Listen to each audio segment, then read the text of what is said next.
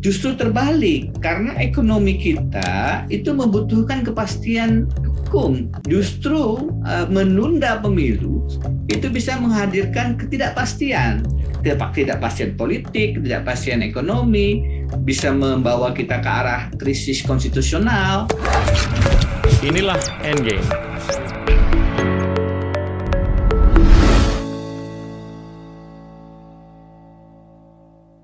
Halo teman-teman, saya sering kali ditanya di sosmed.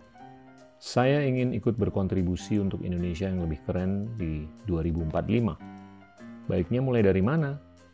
Mungkin salah satu saran saya yaitu belajar public policy.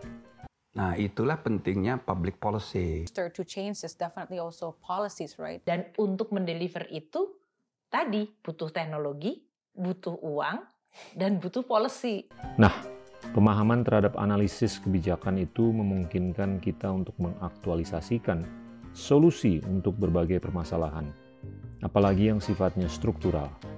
Tidak hanya di pemerintahan, tapi juga di dunia usaha maupun non-profit. Mantan Sekjen PBB Ban Ki-moon, Perdana Menteri Singapura Lee Hsien Loong, dan jurnalis Rachel Maddow, semuanya adalah lulusan jurusan Public Policy SGPP Indonesia, sekolah public policy pertama di Indonesia dengan bahasa pengantar bahasa Inggris, sedang membuka penerimaan mahasiswa untuk batch terbaru. Untuk detail mengenai program dan cara mendaftar, atau sekedar berkonsultasi mengenai rencana karir teman-teman ke depan, hubungi SGPP Indonesia melalui link yang ada di deskripsi. Now back to the show.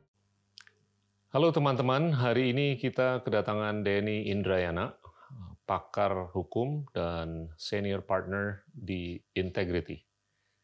Halo Denny, apa kabar? Kabar, sehat, alhamdulillah. Alhamdulillah, waduh senang nih bisa ketemu walaupun secara daring. Eh, saya bangga Anda bisa eh, apa ngajar di Melbourne. Mungkin kita mau ngobrol agak panjang nih, Denny. Kalau nggak keberatan, seperti biasa, saya tuh nanya mengenai masa kecil Anda lahir oh, di ya. Kalimantan Selatan ya. Eh, Betul. Mangga, silakan. Keturunan Sunda bisa nyangkut di Kalimantan Selatan gimana tuh? Saya ditanya, e, Anda asli mana? Saya, saya bilang kalau lahir di satu pulau eh, sebelah tenggara Kalimantan Selatan namanya Pulau Laut, eh, ayah saya Sunda ibu saya ya Banjar ya. Uh, tapi saya juga ada darah Tionghoa dari nenek. Jadi nenek ibu dari ayah saya itu Tionghoa. Masya Allah. Jadi okay. ada Sunda, ada Banjar, ada Tionghoa. Ya saya Indonesia lah. Amin. Amin. SD, SMP, SMA di sana ya? Jadi begini, uh, ayah saya itu ketemu ibu di Pulau Laut itu. Beliau okay. almarhum SMA-nya dulu namanya Sekolah Kehutanan Menengah Atas (SKMA). Jadi uh, ber, bekerja di PT Inhutani 2 di Pulau Laut. Uh, saya TK di sana sempat kelas 3 kelas 1 dan kelas 3 SD sempat di uh, Manokwari. Wow. Sekarang Papua Barat ya. Siap. Selanjutnya uh, sampai lulus SMA saya di Banjarbaru Kalimantan Selatan. Jadi memang uh, masa kecil saya di Pulau Laut uh, saat itu yang yang menjadi primadona kayu. Ya. Waktu waktu saya lahir, uh, saya rumah kakek itu di pinggir laut, dan di sampingnya itu dermaga, depan rumah itu pasar, ramai sekali. Uh, tapi sayangnya begitu saya kembali sekitar waktu itu SMP atau menjelang SMA begitu, ya kayu sudah habis. dermaga tutup, pasar di depan rumah kakek juga tutup. Ya itulah yang kemudian menyebabkan kita merasa ini tata kelola kekayaan alam memang agak problematik. Dulu kayu, ya. sekarang batu bara. Waktu saya kecil, waktu saya di sekitar rumah kakek itu main eh, turun ke dari luar rumah pulang itu kaki udah hitam karena yang saya injak itu batu bara. Wow. Yang saya injak tanpa harus menggali. Jadi waktu itu tapi belum belum ada apa penambangan, baru primadonanya kayu. Sekarang kayunya sudah habis, ya muncullah batu bara sekarang primadonanya di Kalimantan Selatan, terutama juga di Pulau Laut. Jadi masa kecil saya sudah melihat ujian-ujian kutukan kekayaan alam di Kalimantan Selatan. Eh, lantas melanjutkan studi di UGM ya, di Gajah Mada di Jogja. Iya, jadi eh, saya alhamdulillah setelah lulus SMA eh, lulus eh, waktu itu namanya UMPTN, ujian masuk perguruan tinggi negeri, eh, lulus di Fakultas Hukum UGM. Sebenarnya ini tersesat di jalan yang benar. karena karena pilihan pertama saya waktu itu teknik sipil, padahal saya bukan orang yang suka apa bekerja di bidang engineering. Ya. Eh, kemudian pilihan kedua saya kehutanan karena ter apa terpengaruh dengan ayah yang bekerja di bidang kehutanan. Pilihan ketiga saya hukum. Alhamdulillah lulusnya di hukum. Memang sesuatu yang kelihatannya lebih pas ya dengan dengan apa yang saya minati, apa yang saya lebih bisa pelajari begitu. Itu eh, saya masuk 91, lulus 95. Nah, dari situ ber- berproses Iya. eh, sekolah di di apa di Minnesota, Amerika Serikat. Ada cerita sedikit eh, eh, Pak Gita pada saat saya mau sekolah di sana, almarhum ayah sempat berbincang Mas Denny eh, bukan Mas Denny maksudnya Den gitu. eh gimana ini sudah mau selesai? Eh, ada sedikit apa rezeki yang akan disediakan untuk mungkin rumah, untuk eh, memulai menapaki dunia kerja. Saya bilang kalau boleh dananya saya gunakan untuk sekolah. Jadi akhirnya saya sekolah S2 itu dengan eh, beasiswa ayah bunda Masya Allah. Wow. di Minnesota, salah satu kota yang salah satu kota yang paling dingin di Amerika. Waktu saya berangkat di sebelah saya ada orang bule mau ke mana? Dia bilang, saya bilang Minnesota. Are you sure? Kenapa? Itu tempat paling dingin. Oh iya, saya bilang. Akhirnya ketemu salju juga di sana. Kalau udah musim dingin tinggi sekali saljunya. Iya. Nah, itu alhamdulillah S2 saya di sana dan saya juga eh, dapat kesempatan dapat beasiswa dari pemerintah Australia untuk melanjutkan S3 di Melbourne Law School. Saya mulai 2002 sampai 2005. Jadi ya semuanya di bidang hukum, lebih spesifik lagi saya memang mendalami bidang hukum tata negara. Iya, luar biasa. Denny dulu mulai jadi aktivis tuh kapan? Semenjak S1 atau sebelumnya atau setelah itu? eh saya kalau aktivis itu dimaknai berorganisasi kecil-kecilan ya sudah menjadi ketua kelas sejak SD, SMP, SMA itu sudah menjadi ketua MPK dulu namanya, Majelis Permusyawaratan Kelas. Dan pada saat mahasiswa saya merasa lebih beruntung karena bertemu dengan aktivis-aktivis eh, rekan-rekan seperti Refli Harun itu eh, waktu saya masuk adalah ketua senat eh, panitia ospek. Eh, yang di bawah saya ada Zainal Arifin Mokhtar sekarang juga eh, dianggap sebagai salah satu pengamat hukum tata negara. Di luar itu eh, senior saya ada Mas Ganjar Pranowo yang waktu itu adalah ketua Majestik Pecinta Alam di Fakultas Hukum Oke. UGM dan eh, ada Anies Baswedan Oke. eh, di Fakultas Ekonomi sekarang Fakultas Bisnis. Jadi pada saat mahasiswa eh, saya punya komunitas yang luar biasa, ada diskusi rutin, apa membahas isu-isu aktual. Eh, saya terlibat di Badan Eksekutif Mahasiswa, Keluarga Muslim Fakultas Hukum, majalah majalah mahasiswa mahkamah. Jadi memang lebih kalau boleh dianggap lebih ter apa ya tertempa begitu. Ya. Ya pada saat mahasiswa sih, pada saat mahasiswa. Oke. Nah, terus eh, Di Melbourne ngambil apa dalam hukumnya? Eh, kalau Melbourne saya disertasi saya penelitiannya tentang perubahan undang-undang dasar. Oke. Jadi eh, Indonesian Constitutional Reform eh, 1999-2002 judulnya An Evaluation of Constitution Making in Transition. Oke. Jadi eh, lebih ke arah hukum tata negara tentang perubahan Undang-Undang Dasar 45 kita yang pertama sampai keempat pasca reformasi.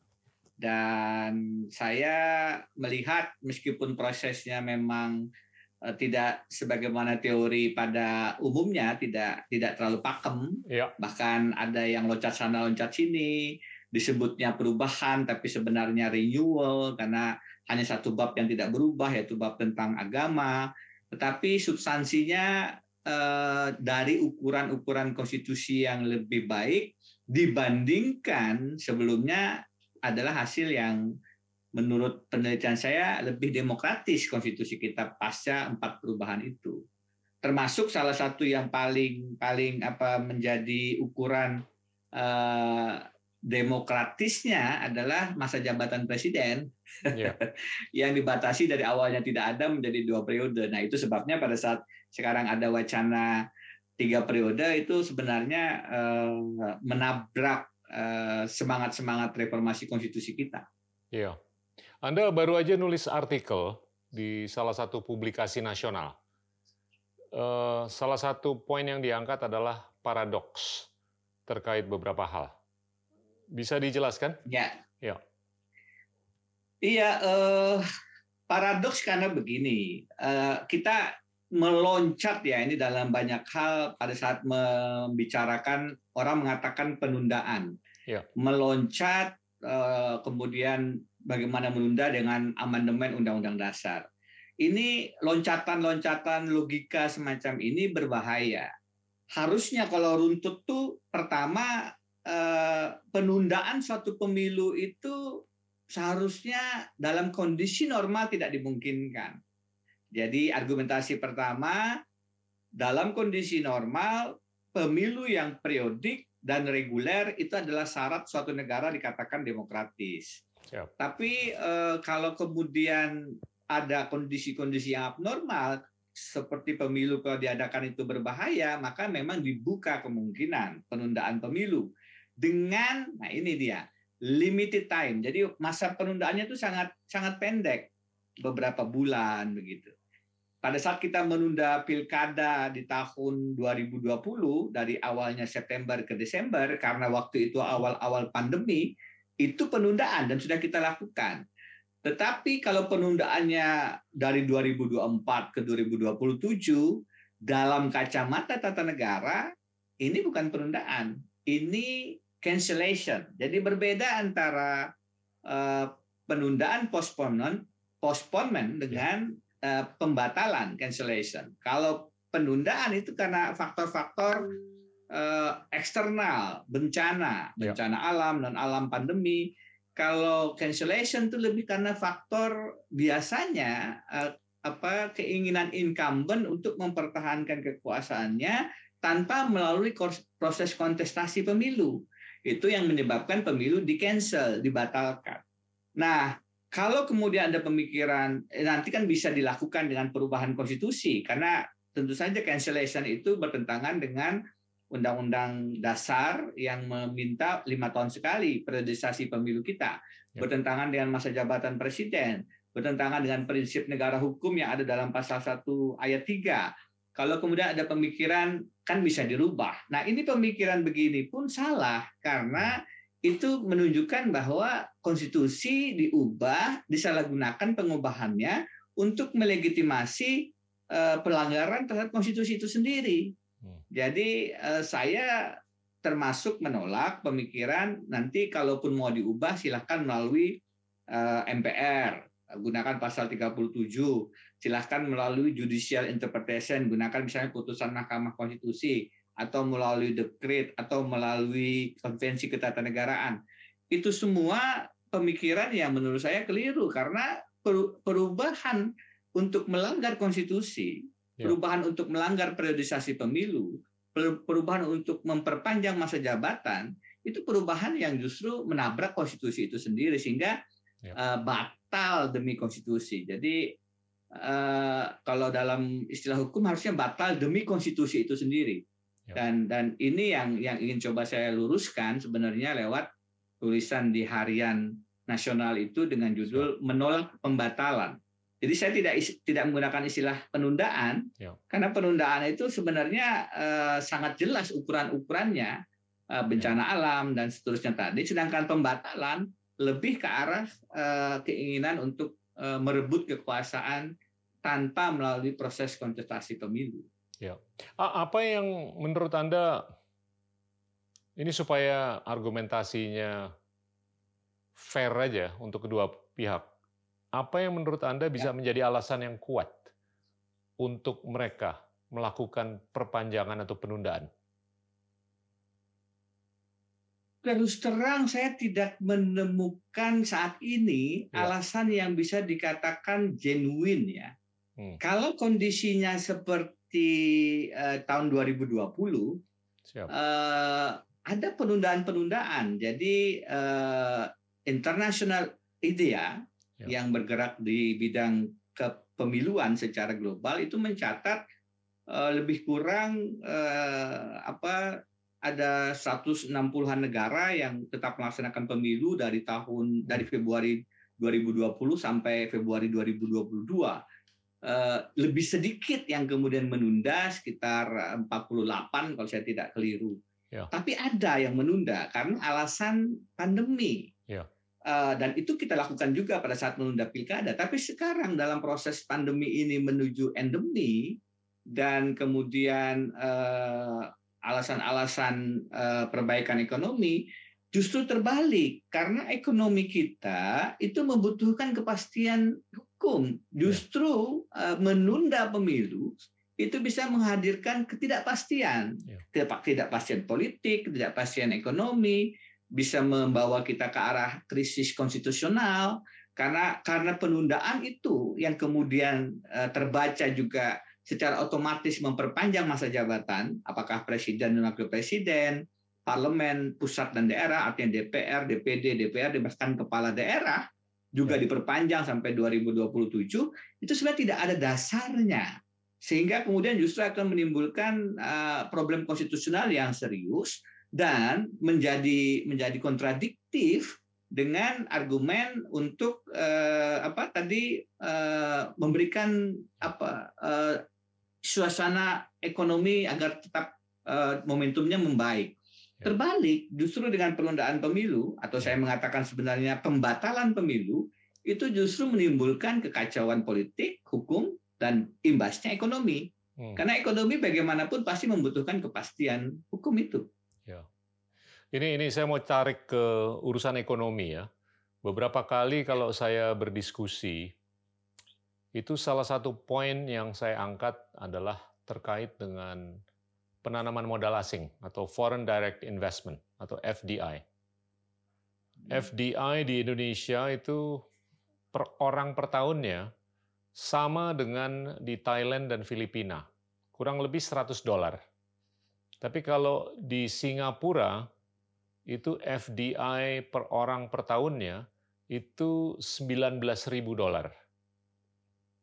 Hmm. Signifikan sekali perbedaannya. Ya. Dan kalau saya bicara dengan pemangku kepentingan terkait dengan penanaman modal, itu banyak sekali komentar-komentarnya itu terkait dengan kepastian hukum yang ada di Singapura. Ya, bukan ideologi, bukan apakah kekayaan negaranya itu beda, bukan tapi ujung-ujungnya itu nyambung atau berkorelasi dengan kepastian hukum. Jadinya ini mungkin nyambung dengan apa yang Anda sampaikan barusan ini.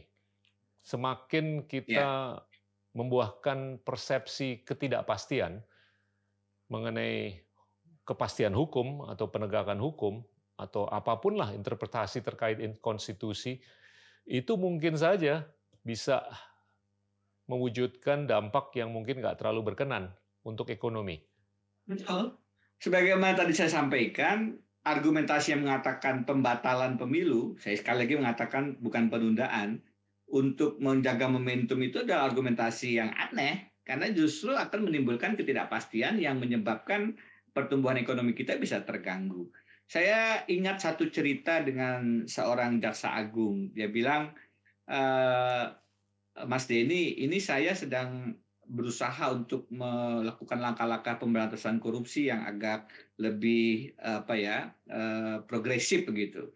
Feedback yang saya dapat jangan terlalu jangan terlalu kencang Pak, nanti ekonomi terganggu. Bagaimana menurut Pak Denny? Saya bilang Pak itu terbalik. Justru kalau kita bisa menegakkan hukum dan memberikan sanksi yang uh, tegas kepada pelaku-pelaku pelanggaran ekonomi, termasuk korupsi, Eh, tepat sasaran, penegakan hukumnya efektif, itu akan menghadirkan kepastian hukum dan menyebabkan kemudian orang makin jelas aturan main bagaimana dan lebih pasti untuk berinvestasi, saya bilang.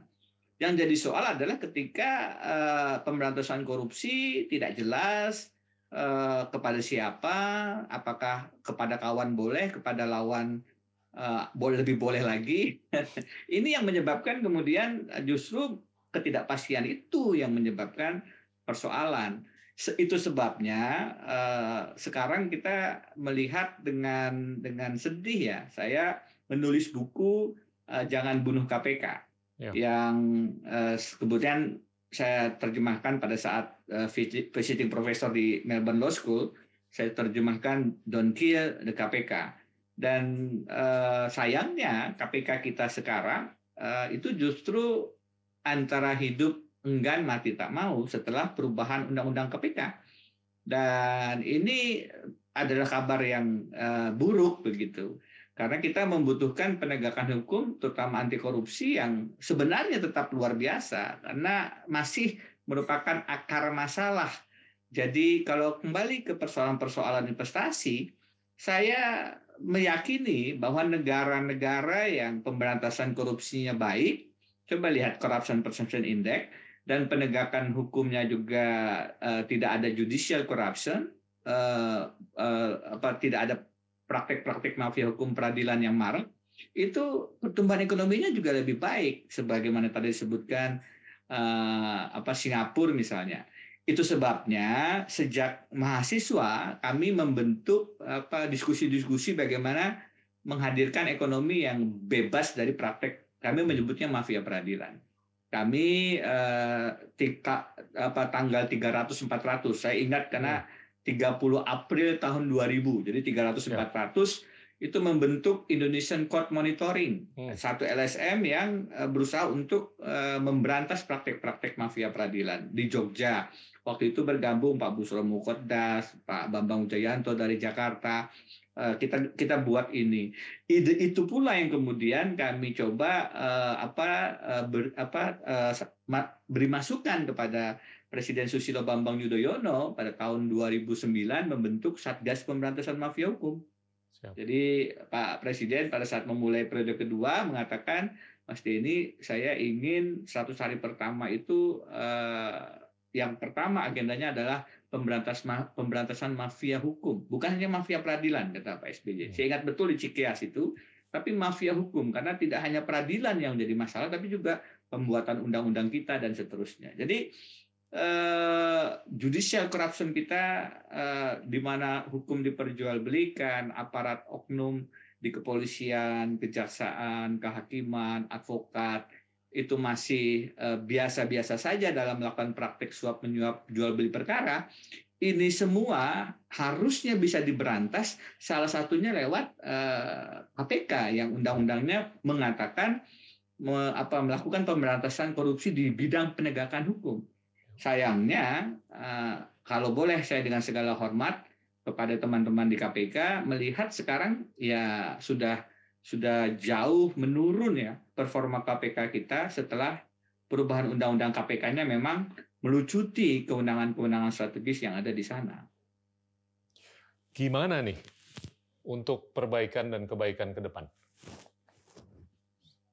Itu pertanyaan yang eh, hari-hari coba kami diskusikan dengan teman-teman hukum. Kami kami merasa eh, ada yang aneh sebenarnya pada saat membaca persepsi penegakan hukum masih baik-baik saja begitu.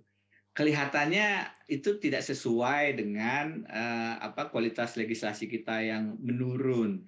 Eh, terutama dari sisi kalau menggunakan istilah MK dalam memutus undang-undang cipta kerja meaning, meaningful participation. Kita melihat perubahan undang-undang KPK sangat cepat, eh, eh, perubahan undang-undang minerba, perubahan undang-undang cipta eh, pembuatan undang-undang cipta kerja, undang-undang ibu kota negara baru sangat cepat. Sehingga itu menimbulkan pertanyaan ada apa kenapa sedemikian cepat?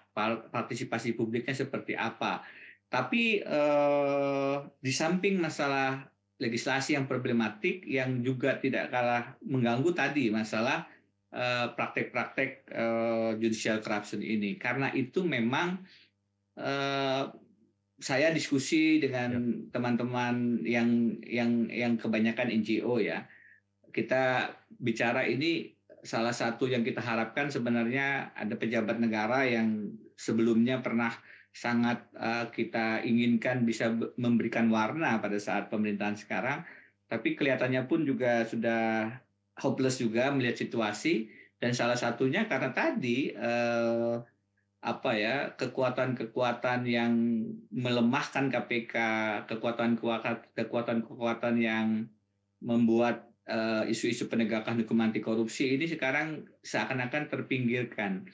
Uh, kalaupun ada hasil survei yang masih mengatakan di atas 60, hampir 70 persen kepuasan di bidang penegakan hukum, saya kok melihatnya itu lebih karena ada populisme. Jadi uh, keberhasilan apa ini uh, membangun citra image melalui sosial media, melalui big data dan lain-lain. Itu satu satu strategi PR yang baik, tapi sebenarnya tidak memotret persoalan yang yang sebenarnya.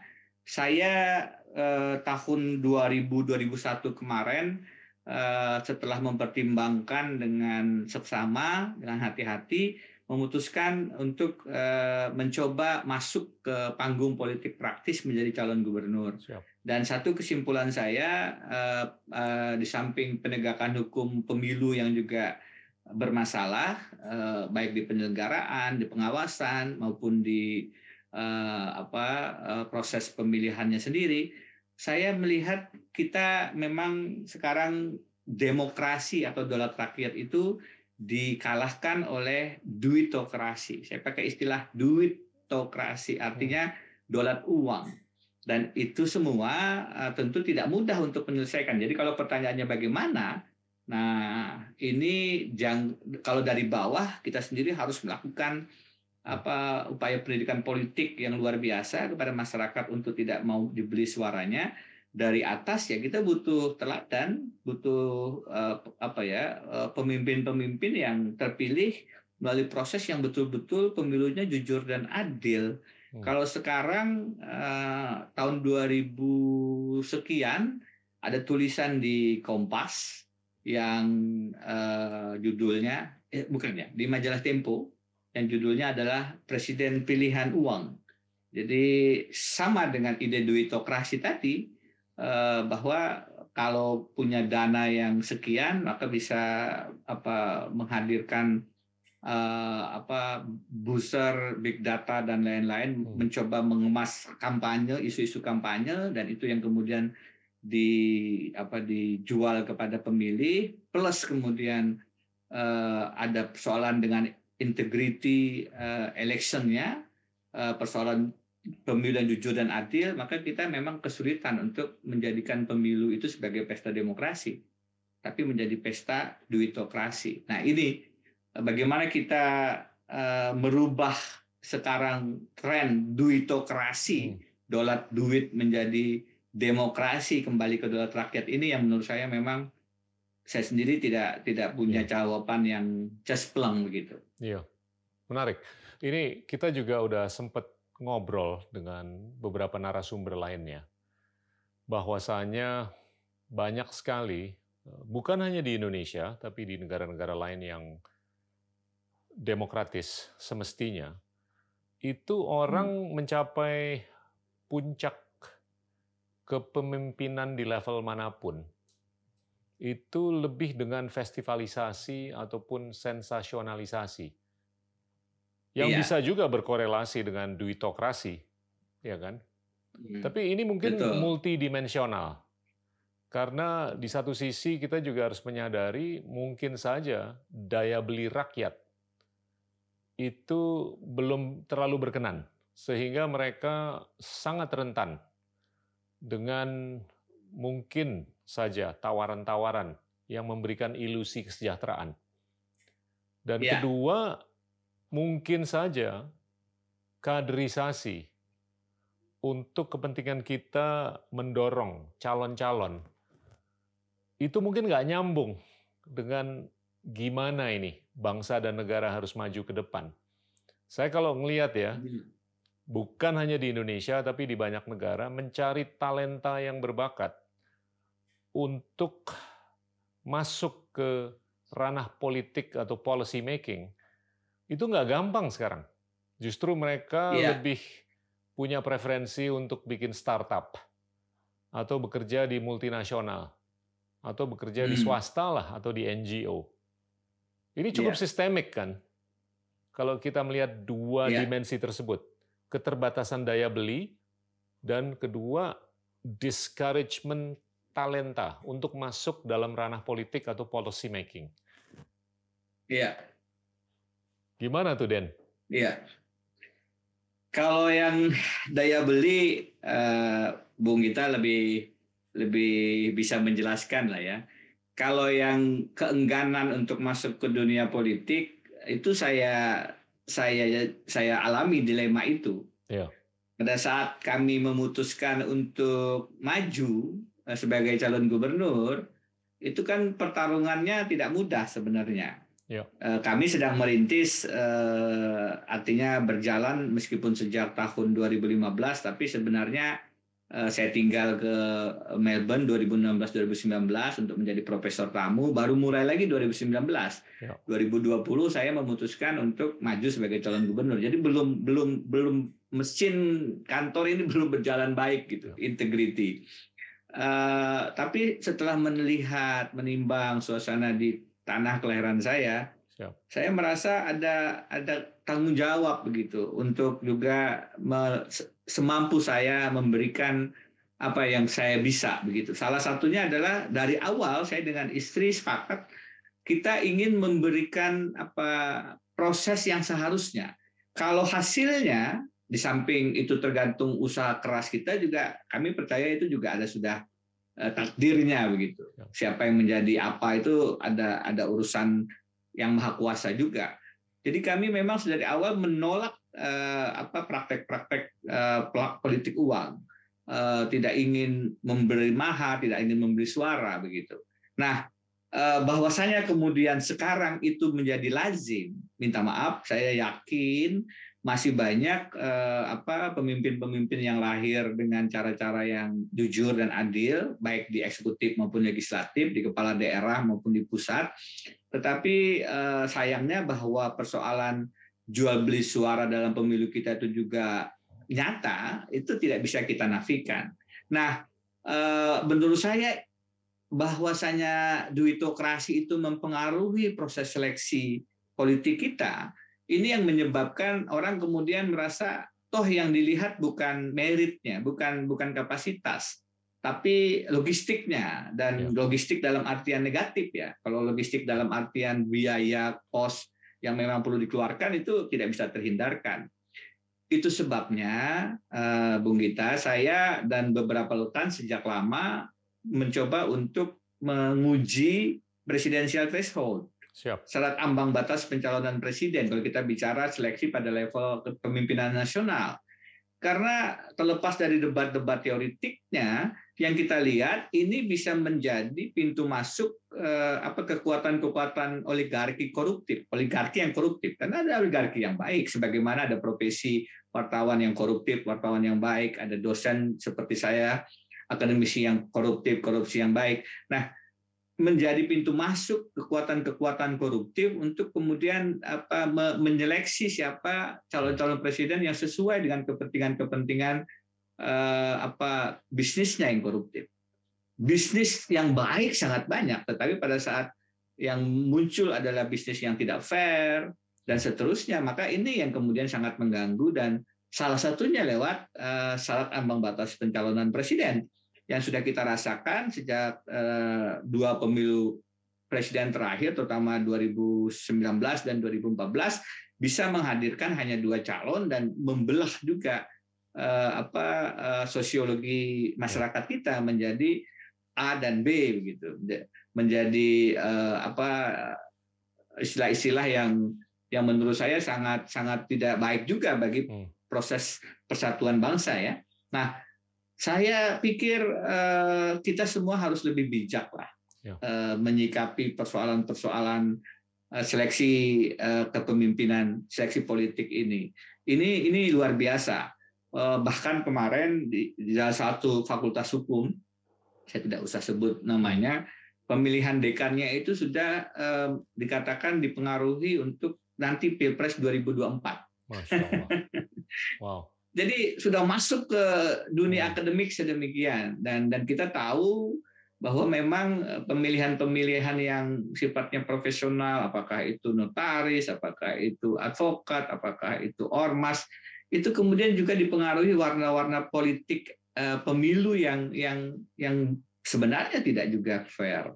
Nah, persoalan-persoalan semacam ini yang harus kita kita luruskan dan ini membutuhkan seorang pemimpin di, di, di, pada level atasnya seorang pemimpin yang uh, mengerti masalah dan visioner untuk kemudian membawa bangsa ini ke arah yang lebih baik. Di sisi bawahnya ya kita memang tidak boleh lepas memperhatikan pendidikan ya Uh, pendidikan politik, pendidikan yang lain, untuk kemudian mem lebih memberikan pemahaman kepada masyarakat. Karena dalam pengalaman saya ada yang mengatakan, mesti ini bagaimana ini? Ternyata masyarakat masih memilih karena serangan fajar. Saya bilang, kalau masyarakat menengah ke bawah, tidak bisa kita salahkan sedemikian karena mereka memang punya kebutuhan real bagi mereka uang 25 ribu, 50 ribu, 100 ribu itu sangat berarti dan ya pada saat pemilih mereka dengan dengan apa dengan ada semacam apa perasaan tidak nyaman kalau tidak memberikan suaranya kepada yang sudah memberikan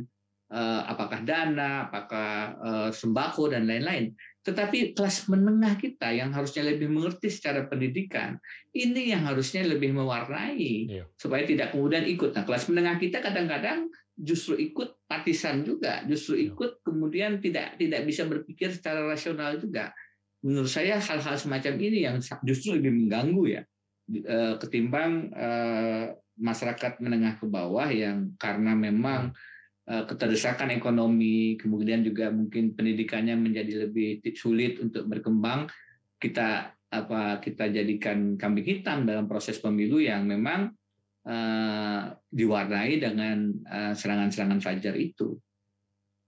Oke, kalau kalau kita balik ke presidential threshold. Ini mungkin ada dua ya. sisi ya dari perbeda, perdebatan ini. Di satu sisi saya paham lah bahwasanya penurunan threshold ke angka seminimal mungkin itu meningkatkan kemurnian mengenai demokrasi kan.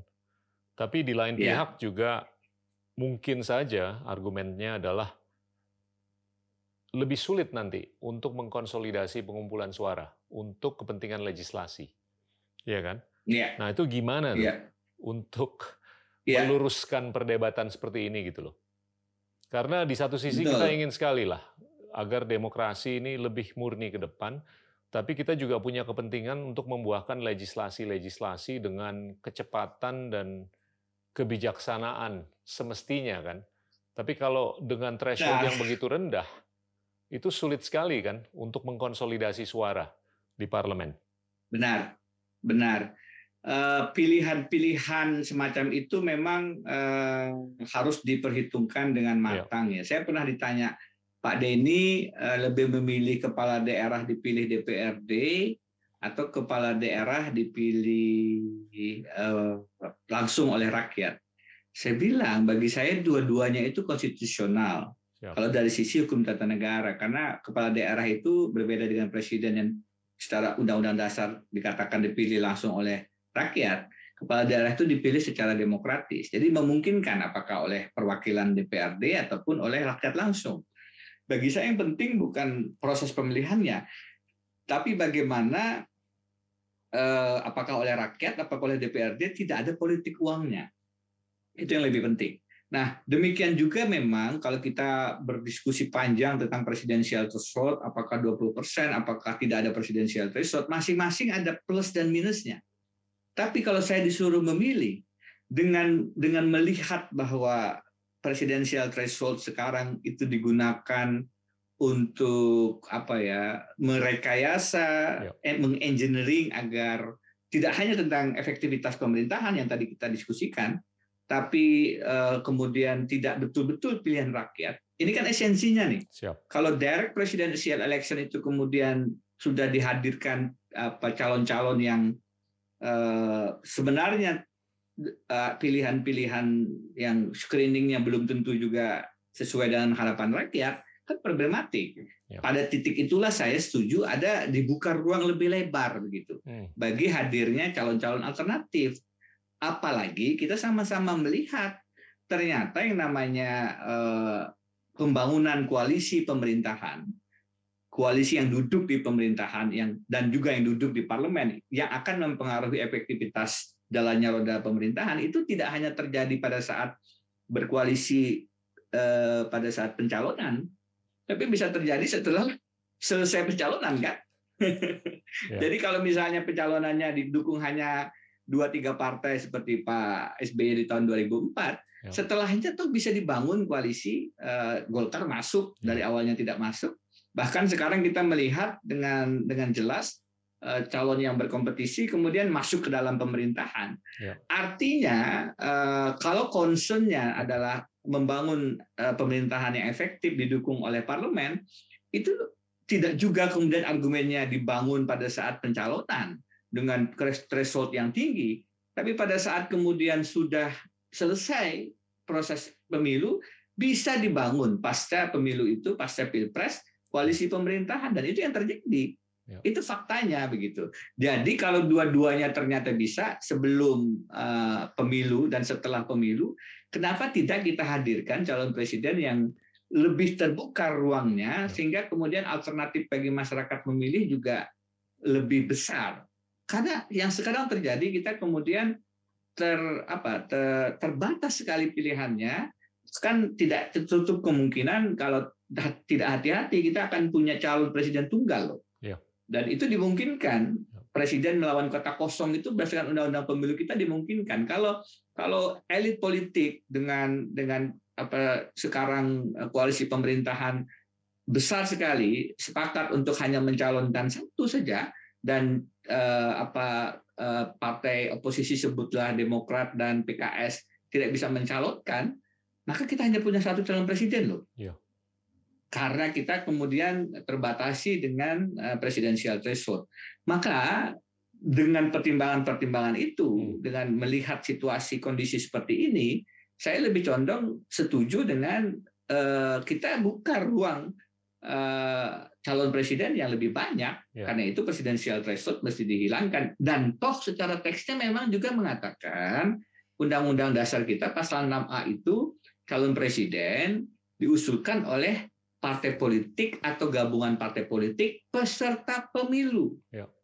Jadi jelas kalau kemudian ada peserta, partai politik peserta pemilu itu bisa mencalonkan. Hmm. Bahwasannya kemudian itu ditambah syarat presidensial threshold 20-25 persen itu tambahan bagi partai-partai besar memang yang kemudian menutup ruang-ruang hadirnya presiden-presiden alternatif yang menurut saya penting dalam situasi Indonesia kekinian kita hadirkan. Ini ini ini menarik sekali dan yang saya heran nih adalah fenomena di mana anak-anak muda sekarang tuh nggak terlalu tertarik dengan topik seperti ini, iya kan?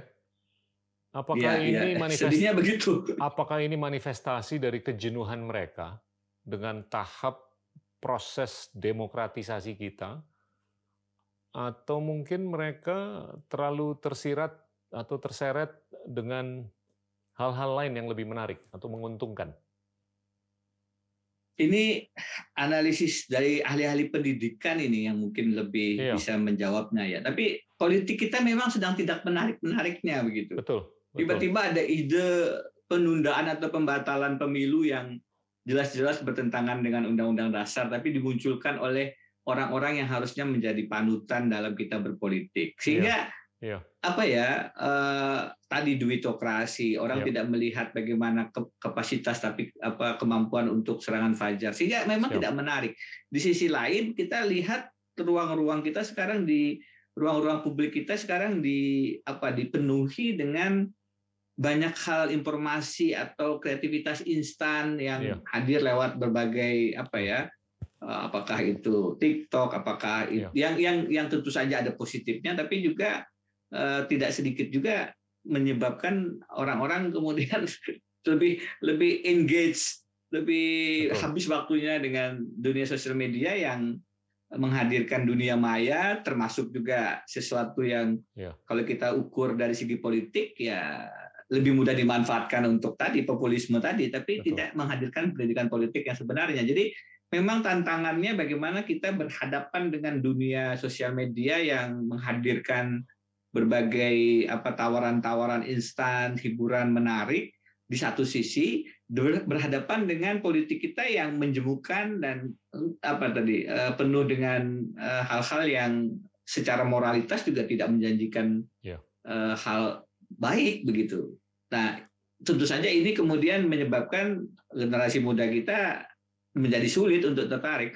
Saya sih di titik itu berharap para selebgram yang yang punya pemikiran apa baik begitu, tentu saja acara-acara endgame dan beberapa acara-acara post podcast atau podcast atau eh, youtuber yang juga punya mengangkat isu-isu anti korupsi, isu-isu pemilu yang baik dan lain-lain juga saya harap bisa bisa terus melakukan pendidikan-pendidikan ini ya. Ya. Karena ini tantangan yang tidak ringan. Kembali ke dunia hukum, Ya. Bagaimana menghadapi judicial corruption dan eh, apa praktek mafia hukum mafia peradilan yang masih sangat marak itu juga tidak mudah untuk Ya. di, di, di apa di, di, diselesaikan.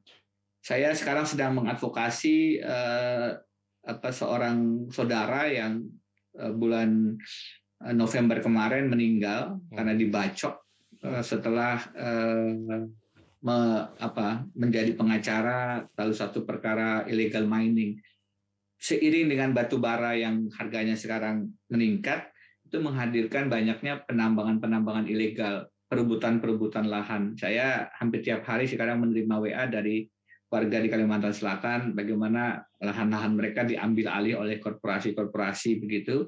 Ada yang dengan cara baik, sekali lagi ada dengan cara-cara yang tidak baik dan dan dan premanisme muncul. Tapi pada saat kita berhadapan dengan apa eh, penambangan-penambangan ilegal yang sebenarnya ibarat mencuri di siang bolong, karena kalau kalau nambang batu bara itu alat-alat berat berseliweran, tak kelihatan sebenarnya siapa itu yang mengambil secara ilegal.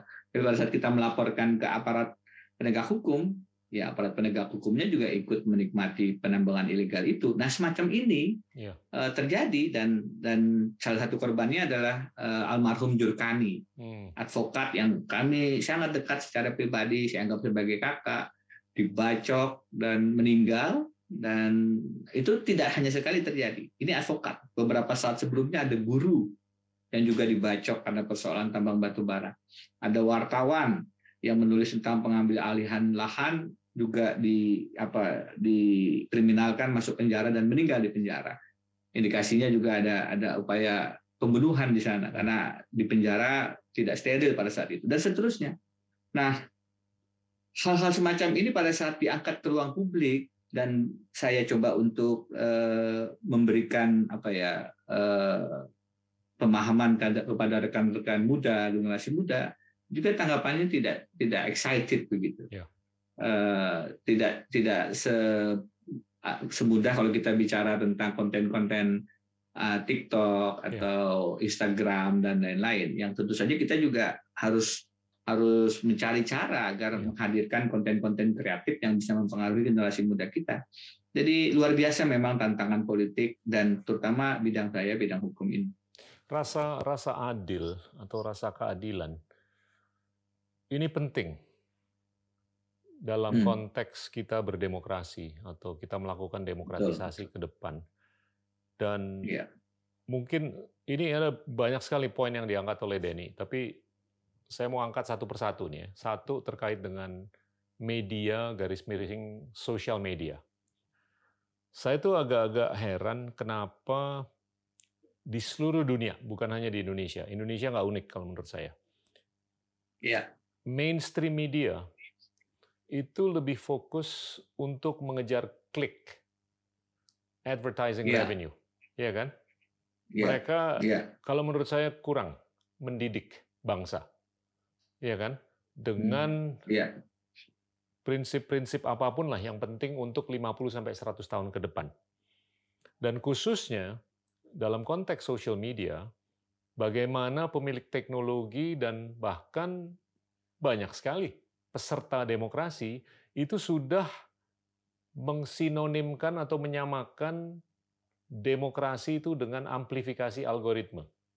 Iya kan? Hmm. Bagaimana Iya. algoritma yang ada di media sosial itu yang mengamplifikasi narasi-narasi yang kurang bijaksana. Dan itu semakin digoreng, semakin dimakan, semakin dikonsumsi oleh masyarakat luas, sedangkan narasi-narasi yang bijaksana itu kurang teramplifikasi karena mereka Iya. lebih berada di silent majority yang nggak berani ngomong, ya kan? Iya. Dan itu kalau menurut saya adalah absensi dari keadilan antara narasi yang kental dengan kemarahan, pertikaian, perpecahan, per- perceraian apa pun dengan narasi-narasi yang bijaksana. Nah ini saya nggak ngelihat adanya regulator atau kerangka regulasi atau pemilik teknologi yang mau menyeimbangkan ulang situasi kondisi yang kurang imbang. Nah ini kalau menurut saya nggak nyambung dengan demokrasi. Karena kalau kita mau berdemokrasi, narasi yang kurang bijaksana itu harus diimbangi dengan narasi yang bijaksana. Tapi kenyataannya dalam sosial media, dengan yang tadi Denny bilang sensasionalisasi, festivalisasi, dan narasi-narasi yang kurang oke lah, terus diamplifikasi, itu kalau menurut saya nggak nyambung dengan Hmm. kepentingan kita untuk melakukan demokratisasi ke depan. Iya Iya. kan? Jadinya kalau kita Betul. nggak nggak memastikan adanya keseimbangan antara narasi yang jelek sama narasi yang bagus, ya itu nyambung dengan mungkin berkurangnya keadilan atau sense of keadilan. Iya. Gimana, Denny? Iya, kalau terkait dengan media, eh, kenapa lebih condong ke arah sensasi, kemudian mengejar rating dan lain-lain, tentu eh, ada yang lebih pas untuk menjelaskan ya. Tapi kalau bicara keadilan dan hubungannya dengan media ini, memang eh, masalah pengaturan ini penting. Dan pengaturan ini sering kali kemudian jadi tidak tidak duduk. Karena tadi dari proses legislasinya kemudian sudah ada eh, cekokan-cekokan dari kepentingan-kepentingan bisnis yang tidak sehat. Sehingga pembatasan-pembatasan kepemilikan misalnya. Siap. apakah eh, penyiaran ataukah eh, apa yang terkait dengan eh, televisi. Kalau kalau kalau di Australia misalnya kan ada batasan itu berapa sahamnya sehingga kemudian ruang-ruang publik itu tidak tidak kemudian eh, dikuasai secara dominan oleh kekuatan-kekuatan tertentu. Atau Kalau monopolistik? sekarang kita iya, kalau sekarang kita bedah eh, dunia penyiaran kita misalnya atau bahkan dunia sosial media kita, kita bisa melihat sebenarnya pemainnya tidak banyak begitu. Iya. Dan itu affiliated akhirnya juga dengan kepentingan-kepentingan politik atau bahkan punya partai politik. Sehingga eh, sistem kompetisi ini tidak sehat karena kan Ya. demokrasi itu sebenarnya juga ada kompetisinya. Election itu kan kompetisi begitu. Ya.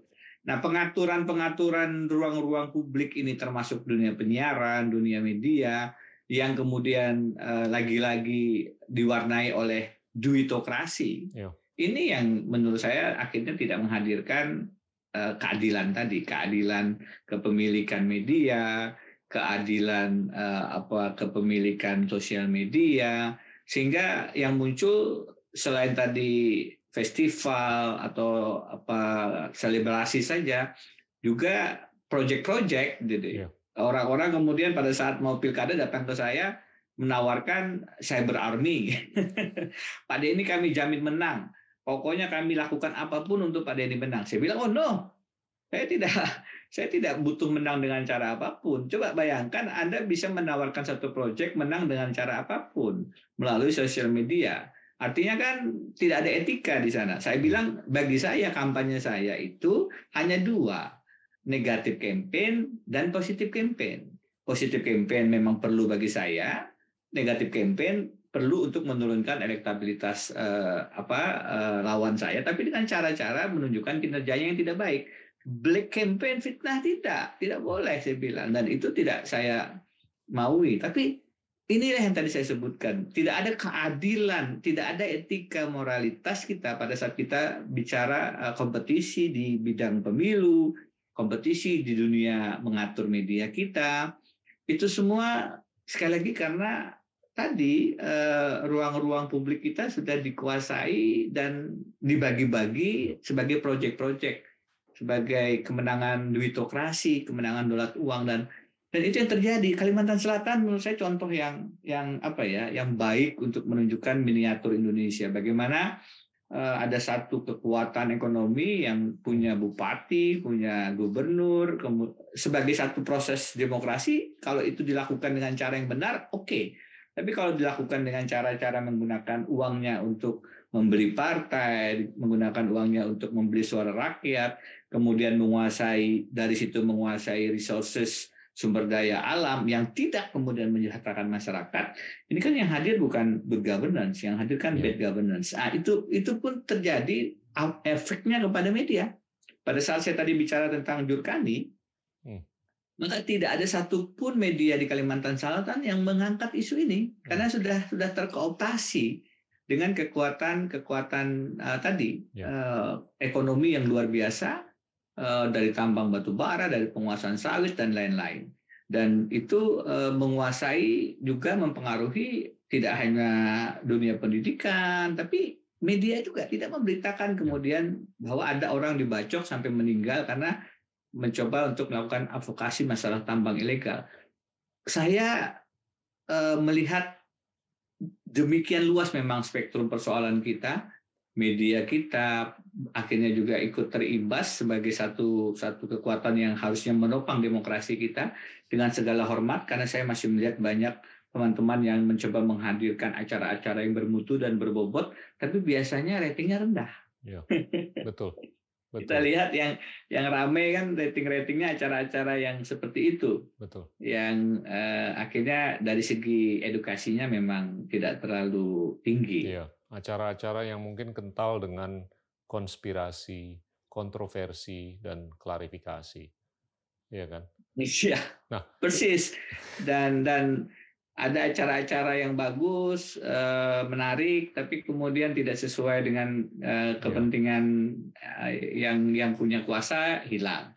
Siap. Kalau di zaman Orde Baru, kalau di zaman Orde Baru kan kita tahu yang bisa menelepon para owner itu bisa dari istana atau atau siapalah. Ya. Kalau sekarang itu bisa lewat pemilik saja cukup itu, ownernya bisa di bisa diganggu dan Siap. pemberitaannya hilang kan begitu. Siap. Ini ini menurut saya memang memang memang banyak yang harus kita sayangnya bereskan ya. dari segi regulasinya terutama kalau di bidang hukum. Saya saya mau sedikit nih lebih panjang mengenai topik demokrasi. Tapi saya mau mengacu ke Deng Xiaoping, pimpinan Tiongkok hmm. yang yeah. baru aja naik di tahun 78. Itu dalam yeah. pidatonya beliau dua setengah jaman. Beliau tuh ironisnya menggunakan kata demokrasi. Itu kalau nggak salah 33 hmm. kali. Dan itu adalah titik di mana dia tuh memprakarsai proses demokratisasi talenta untuk bisa hmm. menyongsong reformasi di Tiongkok, reformasi yeah. ekonomi, yeah. ya kan? Iya. Politik yeah. tidak terlalu terreformasi, tapi lebih penting lagi adalah ekonomi. Dan terbukti, sekarang Tiongkok sudah menjadi ekonomi terbesar nomor dua di dunia, ya kan?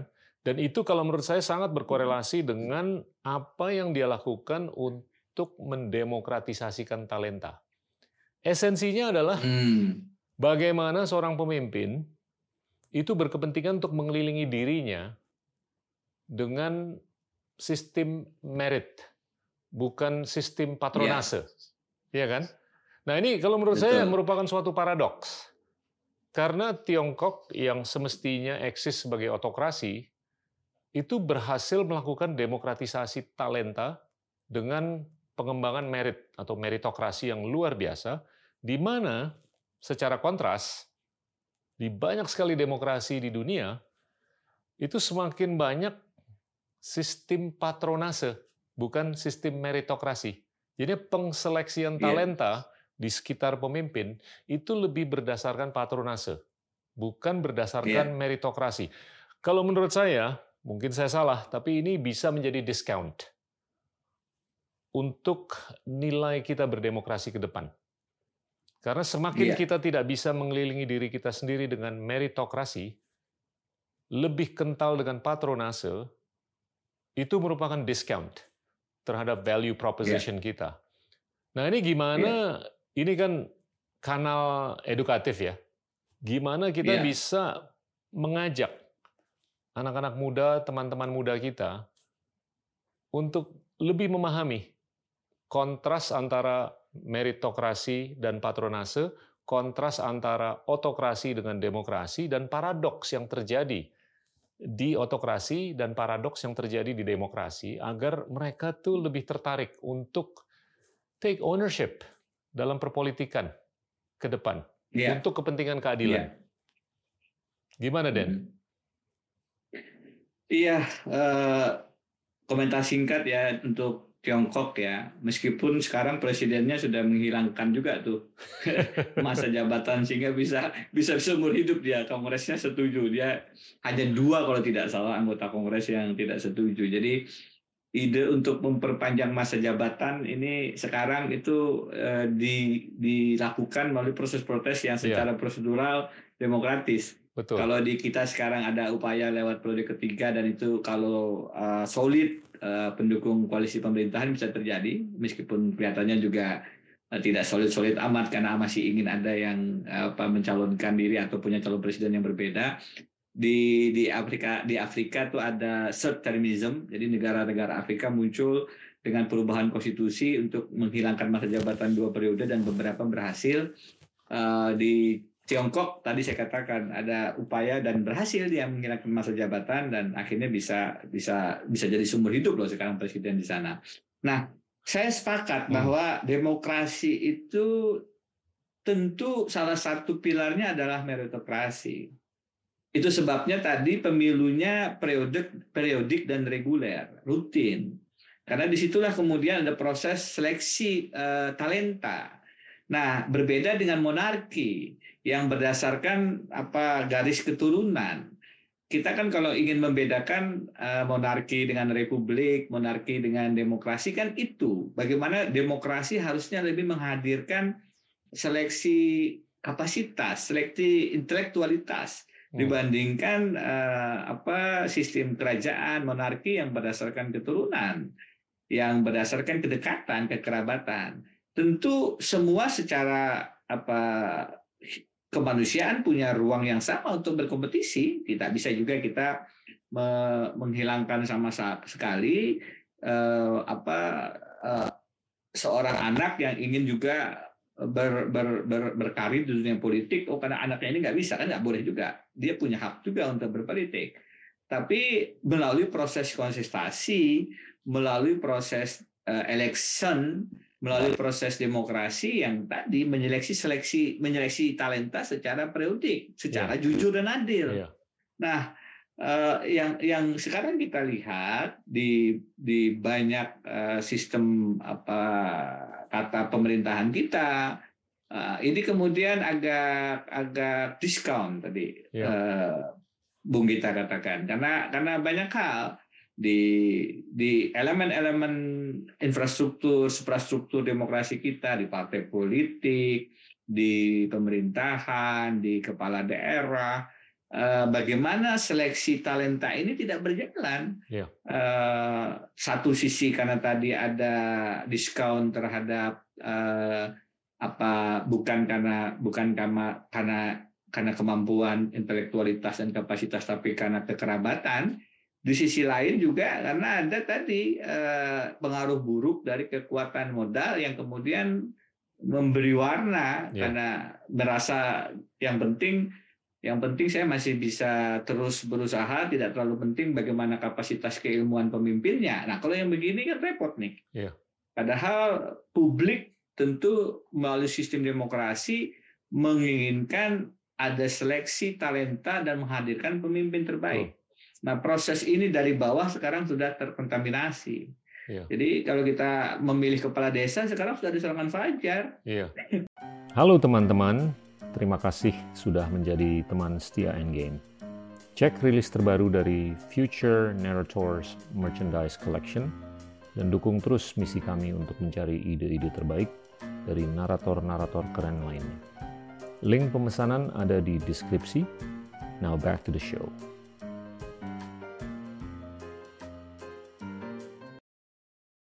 Jadi gini loh, Denny, po- poin saya, saya bukan mau memuliakan otokrasi, tapi saya justru hanya mengangkat dalam konteks otokrasi yang eksis di Tiongkok. Mereka tuh bisa mengembangkan meritokrasi. Dan, Iya, dan, iya. dan itu Deng Iya. Xiaoping membuktikan, gue nggak peduli. Lu mau Iya, iya. keponakan gua, pacarnya anak gua, atau anak pinggir jalanan, lo akan gue tes, kalau lo lulus tes, lo boleh jadi wali kota. Lo boleh jadi Iya. direksi BUMN. Nah, Iya. justru kontras dari situ, di dalam konteks demokrasi, itu justru yang diseleksi. Lo masuk karena Iya. lo menggunakan patronase. Iya kan? Nah itu itu kalau menurut Iya. saya justru yang memperkuat argumen untuk eksistensi otokrasi dan melemahkan argumen untuk eksistensi demokrasi yang berdiri di banyak negara sekarang. Nah ini gimana nih untuk kita merekonstruksi atau meng-reshape, iya kan? Supaya Iya, ini iya. sangat bisa dipertanggungjawabkan karena demokrasi baru eksis hanya mungkin 200-an tahun. Eh, saya sih melihat elemen yang hilang dari demokrasi itu ya kompetisi itu sendiri. Siap. Pada saat Deng Xiaoping me- memberikan kesempatan pada talenta, dia kan siapa pun silahkan berkompetisi. Siap. Akan Anda akan terpilih dengan talenta yang terbaik. Iya. Nah, itu ruang kompetisinya kan sebenarnya yang di- diberi kebebasan. Sebenarnya kan demokrasi di situ. Betul. Demokratisasi talenta.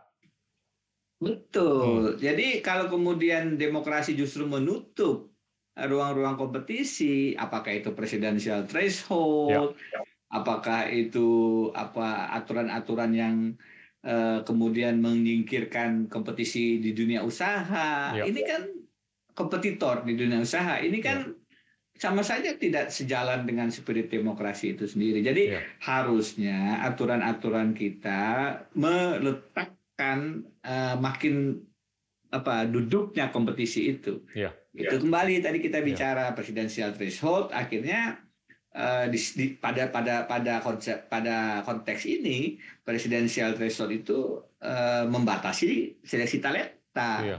Begitu. Itu sebabnya saya cenderung eh, dan sudah melakukan pengujian ini ke Mahkamah Konstitusi. Betul. Begitu. Karena karena kalau kita bicara demokrasi yang membuka ruang seleksi talenta yang lebih luas, maka presidensial threshold tentu adalah soalan, adalah Iya. part of the problem. Ya, saya, saya rasa benar. Saya saya sepakat. Esensi dari diskursus ini adalah bagaimana struktur apa pun lah kita tuh bisa mengedepankan demokratisasi talenta. Itu Ya. kalau menurut saya yang paling struktural untuk kepentingan negara dan bangsa untuk bisa maju. Dan dan gini loh, Denny, gimana supaya anak dan cucu kita semakin tertarik dengan topik-topik seperti ini dan gimana untuk mereka bisa berpartisipasi supaya mereka Iya, tuh iya. bisa menjadi talenta-talenta yang lebih terdemokratisasi. Tapi kalau kita lihat sekarang, mohon maaf, talenta-talenta yang ada tuh kayaknya kurang nyetrum. Iya kan? Di banyak demokrasi. Iya kan? Dan bisa instan hadir lewat apa tadi populisme, populisme, betul. pencitraan, Sensasionalisasi, sejenis itu. festivalisasi, Sensasion-. Ya. Festivalisasi, Ya. tiba-tiba muncul dengan macam-macam lah tindakan-tindakan yang instan diberitakan secara luas, di, diviralkan, jadilah dia muncul sebagai calon pemimpin padahal karbitan dan Betul. jadi juga settingan kan. Betul. Itu yang yang merusak betul demokrasi kita. Kita tuh memiliki sistem gotong royong. Sudah beberapa dekade di mana dalam sistem itu kita bisa membidik siapa yang jago nyangkul, siapa yang jago ngaji, siapa yang jago baca puisi, siapa yang jago Iya. nyiram. Itu kan sebetulnya atribut-atribut yang bisa dibidik untuk menyongsong pemimpin ke depan kan? Bukan Betul, siapa yang likes-nya paling banyak di TikTok atau di Instagram. Iya. Iya kan? Iya. Jadinya itu kalau menurut saya adalah pergeseran antara gimana kita menilai social quotient manusia dalam konteks gotong royong menjadi ya lebih berdasarkan likes Iya. di social media. Oke, Denny kita udah ngobrol banyak mengenai demokrasi eh, dan tentunya masih ada lah hal-hal lain yang perlu kita bahas dari sisi hukum gitu. Apa aja ya mengenai Indonesia yang lagi ngetren akhir-akhir ini?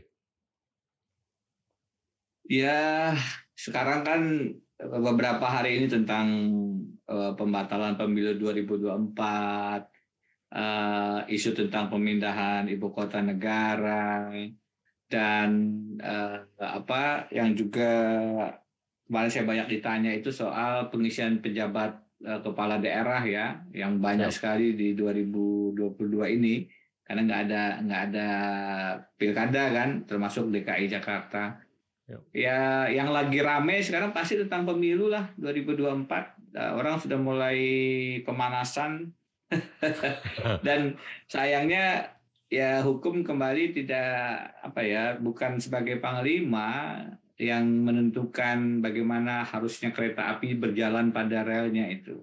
Sekarang hukum lebih eh, justru ikut kepada apa ya agenda-agenda politik dan itu sebabnya banyak Hmm. masalah akhirnya di proses legislasi kita misalnya di IKN misalnya di perubahan undang-undang KPK bahkan undang-undang Cipta Kerja yang dipersoalkan Mahkamah Konstitusi itu semua kan menunjukkan ada problem di proses eh, pembuatan peraturan perundang-undangan kita. Kalau mengenai IKN apa? Gimana? Bisa dielaborasi? IKN sebagai satu ide eh, politik sosiologis tentu bukan satu yang bukan satu hal yang keliru dalam artian banyak negara juga kemudian memilih kebijakan itu untuk memisahkan antara ibu kota pemerintahan dengan ibu kota perekonomian mungkin juga kapasitas Jakarta dan lain-lain. Eh, tapi lagi-lagi yang menjadi persoalan pada saat kita menentukan satu kebijakan itu adalah bagaimana good governance dalam penentuan kebijakan itu eh, dilakukan atau tidak. Artinya eh, proses partisipasi publik, eh, transparansi, eh, tidak kemudian menjadi proyek yang eh, koruptif, hal-hal semacam ini kan. Tadi saya memberi contoh, apakah dipilih rakyat langsung ataukah dipilih DPRD kepala daerah itu yang penting tidak ada eh, apa politik uangnya, yang penting tidak ada suap menyuap beli suaranya. Nah, IKN sebagai satu ide itu dari kacamata hukum bisa dilakukan, tidak ada larangan untuk memindahkan ibu kota negara, apalagi kalau kemudian pertimbangan eh, politik, ekonominya, dan yang penting pertimbangan etis pemerintahannya dilakukan begitu. Nah persoalannya pada saat eh, apa exercise untuk melakukan ini kan eh, minim nih. Kalau kita Ya. bicara undang-undang IKN eh, karena memang mengejar masa jabatan Presiden Jokowi yang tinggal 2-3 tahun kan sangat cepat. Sehingga kalau kembali mengacu kepada parameter yang dibuat oleh MK pada saat membatalkan Undang-Undang Cipta Kerja bahwa tidak adanya meaningful participation, partisipasi yang bermakna, itu Undang-Undang IKN lebih minim lagi eh, partisipasi publiknya, ruang-ruang diskusi publik untuk mendiskusikan rancangan Undang-Undang Ibu Kota Negara kan tidak terjadi sebenarnya. Tidak ada itu meaningful participation. Nah, eh, sehingga yang muncul adalah duga, apa, apa desas-desus ya, yang tentu perlu diverifikasi bahwa ini adalah uh, tanah siapa, proyek siapa, hal-hal semacam ini yang kemudian mengganggu dan menjadi menjadi menjadi merusak.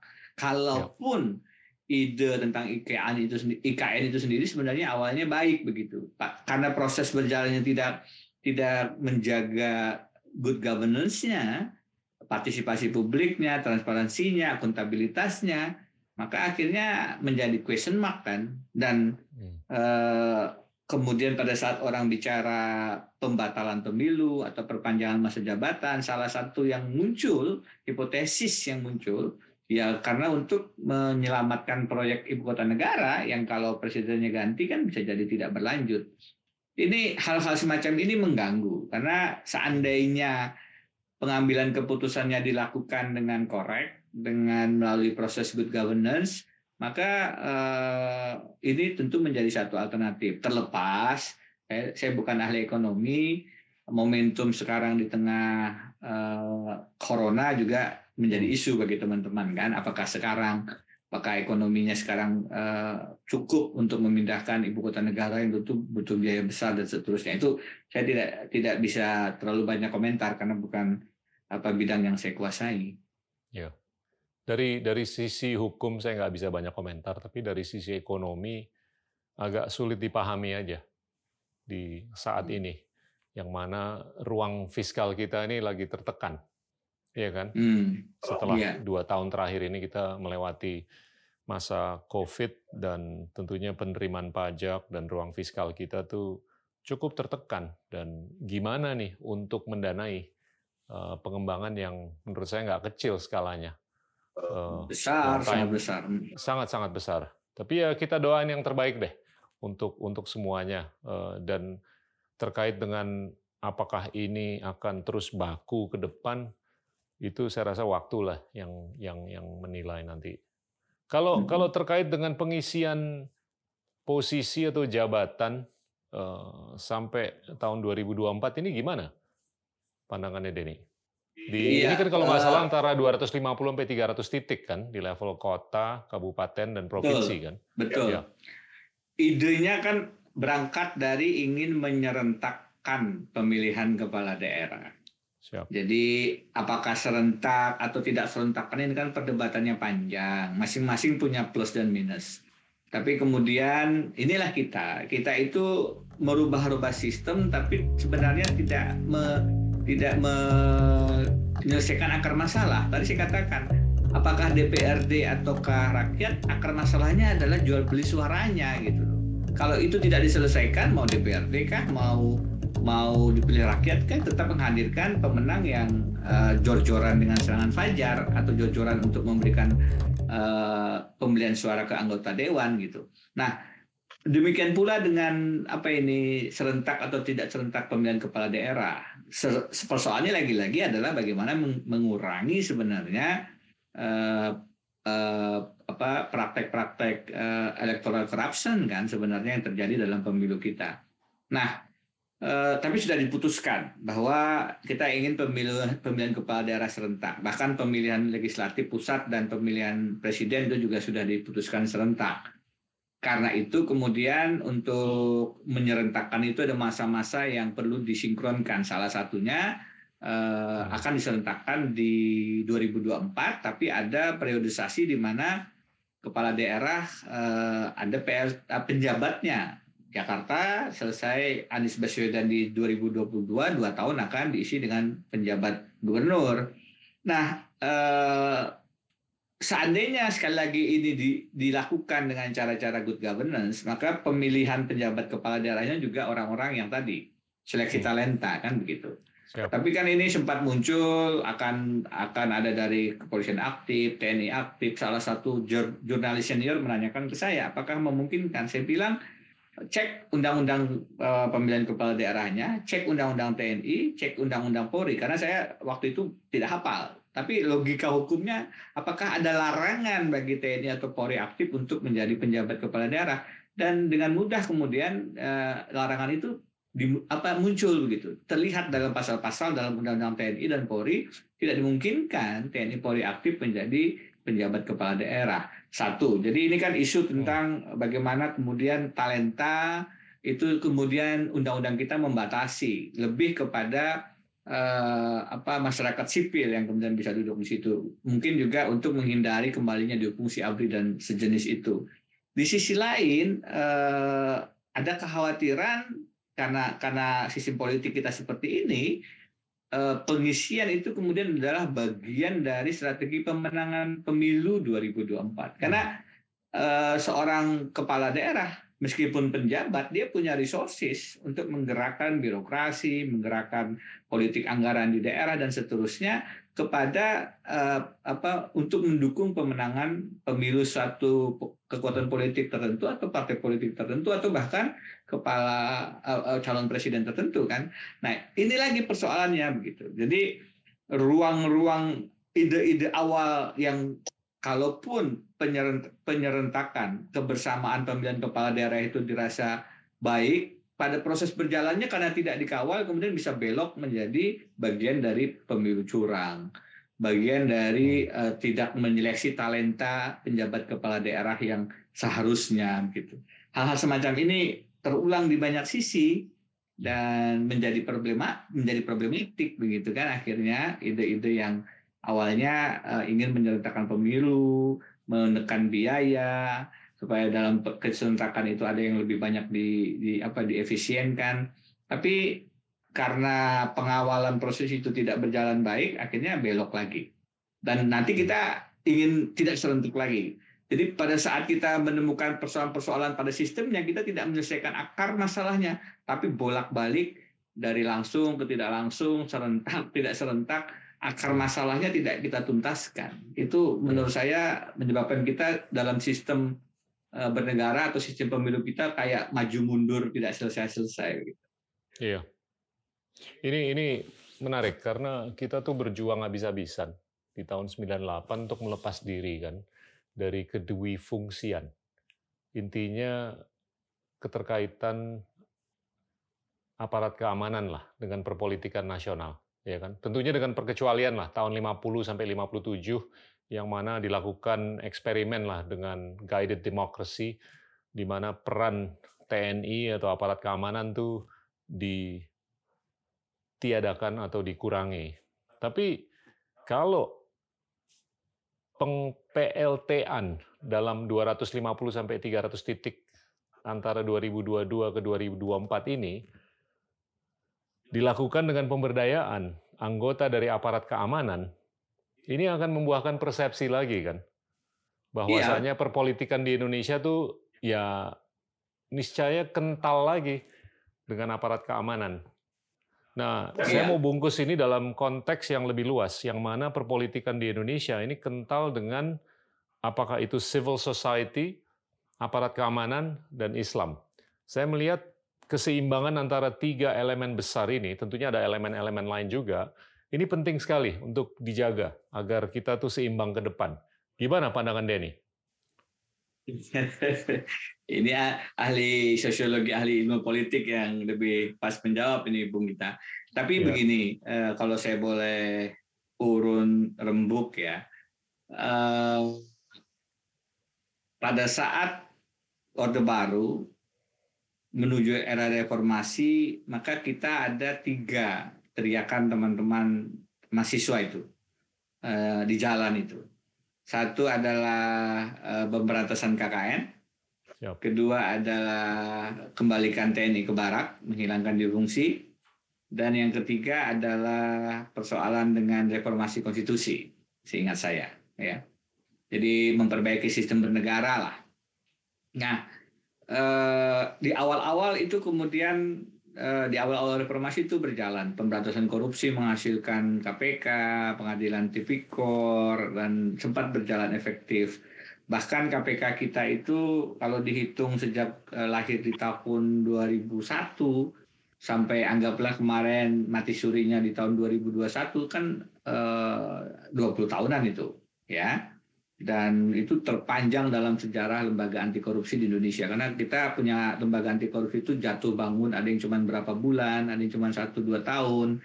KPK ini termasuk panjang. Kenapa? karena dia lahir di awal reformasi yang menjaga Hmm. elan dia eh, kontrol publiknya dan seterusnya tapi akhirnya tumbang juga kemarin setelah perubahan undang-undang KPK dan putusan MK yang meletakkan dia di bawah kekuasaan eksekutif sehingga tidak punya lagi independensi penegakan hukumnya nah eh, eh, bagaimana dengan difungsi ABRI ya difungsi ABRI-nya awal-awal juga berjalan dan kita melihat uh, dilakukan ya pengisian-pengisian jabatan uh, politik itu tidak kemudian bisa diisi oleh TNI baik yang aktif maupun yang sudah pensiun.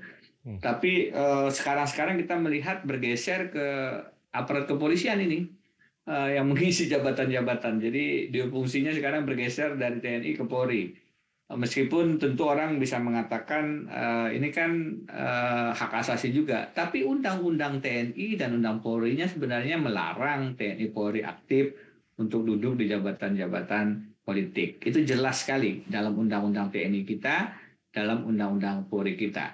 Nah, uh, kalau kemudian tadi uh, ditanya bagaimana kita menghadapi isu-isu kembali maraknya eh, masuknya aparat-aparat keamanan kembali ke tadi persoalan talenta tadi seleksi talenta Ya. tadi harusnya kita meletakkan proses pemilu kita itu eh, secara fair kepada yang memang punya eh, kapasitas yang punya eh, apa Hmm.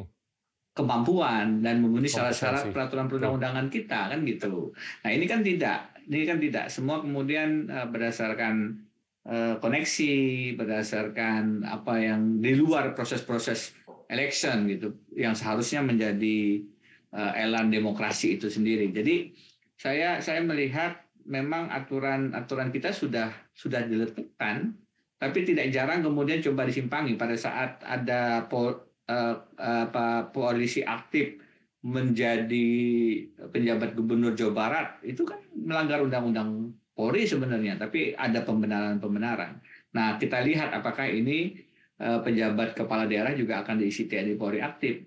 Harusnya tidak, karena jelas itu melanggar eh, peraturan atau legislasi kita dan kalau kita terus melanggar ya menjadi sulit. Tapi ya bagaimana? Sekarang kita juga sedang dalam apa wacana untuk pembatalan pemilu yang jelas-jelas melanggar undang-undang dasar. Jadi jangankan undang-undang, undang-undang Oh. dasar pun mau dilanggar dan dicari pembenarannya. Inilah eh, saya saya terus terang merasa kondisi kita sekarang eh, tidak lebih baik, tapi tentu saja kita tidak boleh pesimis.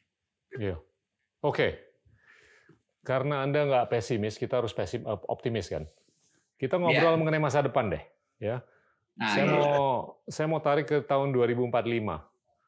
G- Gimana nih gambarannya ke depan menurut Denny? Dari sisi hukum, dari sisi apa pun lah. Yang nyambung pokoknya. eh, saya lebih lebih punya kenyamanan bicara hukum ya. Iya. Dan di tengah di tengah optimisme saya tetap eh, punya kekhawatiran-kekhawatiran.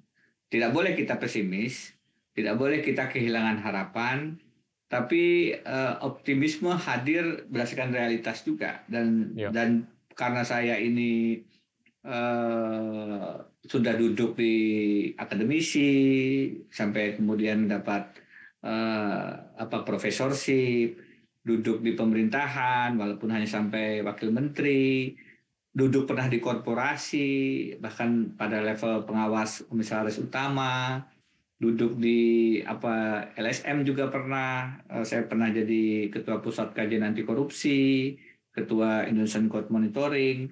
Jadi level-level yang birokrasi sudah, korporasi sudah, eh, akademisi sudah, civil society sudah.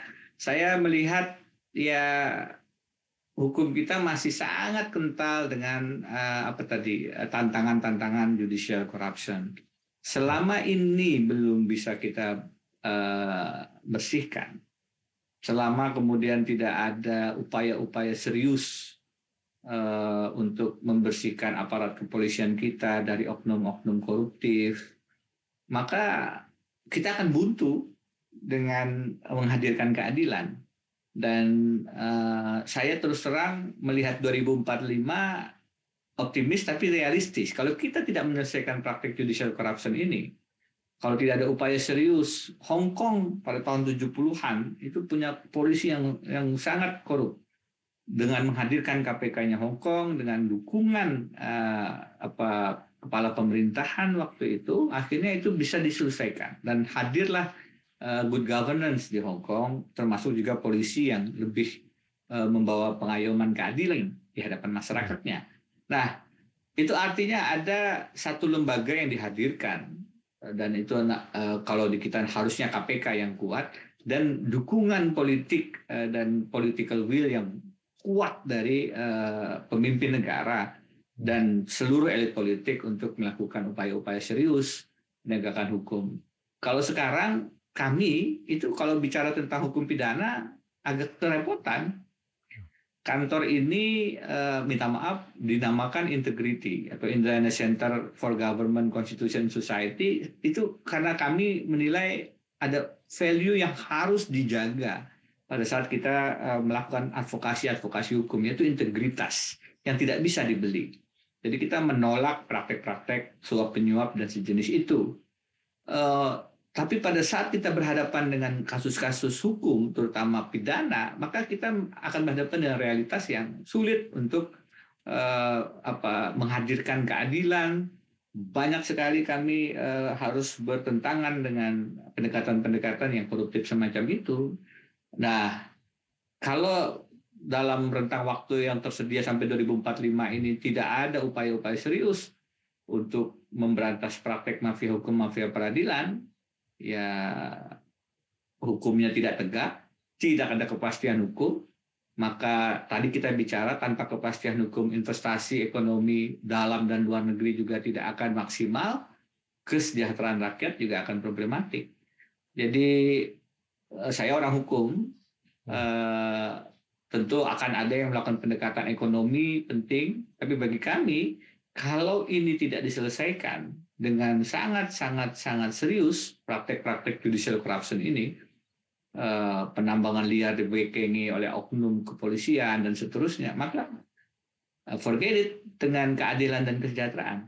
2045 itu masih 23 tahun bukan waktu yang apa sedikit untuk melakukan transformasi dan revolusi uh, penegakan hukum kita tanpa keseriusan kita akan melihat uh, penegakan hukum yang tetap tidak adil. Jadi optimisme saya adalah ya. uh, mudah-mudahan dalam rentang waktu yang tersedia ini kita bisa menghadirkan lagi lembaga yang kuat. Siapa tahu kita bisa merubah lagi undang-undang KPK. Siapa tahu kita bisa menghadirkan lagi uh, lembaga legislatif yang peduli dengan aturan-aturan hmm. yang menguatkan uh, pemberantasan judicial corruption atau bahkan pemimpin negara di level nasional maupun lokal yang juga uh, tidak ingin melihat hukum diperjualbelikan. Kita sudah melihat ada beberapa pemimpin di dunia yang sangat visioner, ya kan? Dan juga memiliki integritas dan juga memiliki kompetensi dan juga memiliki daya tarik untuk menarik talenta-talenta. Ya, ya kan? Salah satunya ya. mungkin adalah Lee Kuan Yew. Ya kan? Di mana di tahun 60-an ya. dia hanya dibekali dengan integritas, visi, kompetensi, dan dia mengelilingi dirinya tuh hanya dengan mungkin lima orang, yang mana masing-masing dari lima orang itu dibekali dengan atribut yang sama seperti yang dia miliki. Dan diamanahkan lu juga ngelilingin diri lu dengan lima orang. Dan terjadilah sistem multi level. Selama beberapa dekade, yang mana di akhir masa pemerintahan beliau, dia tuh bisa nelpon, manggil salah satu dari ribuan pejabat negara atau civil servants yang sangat berkualitas dengan atribut-atribut yang positif.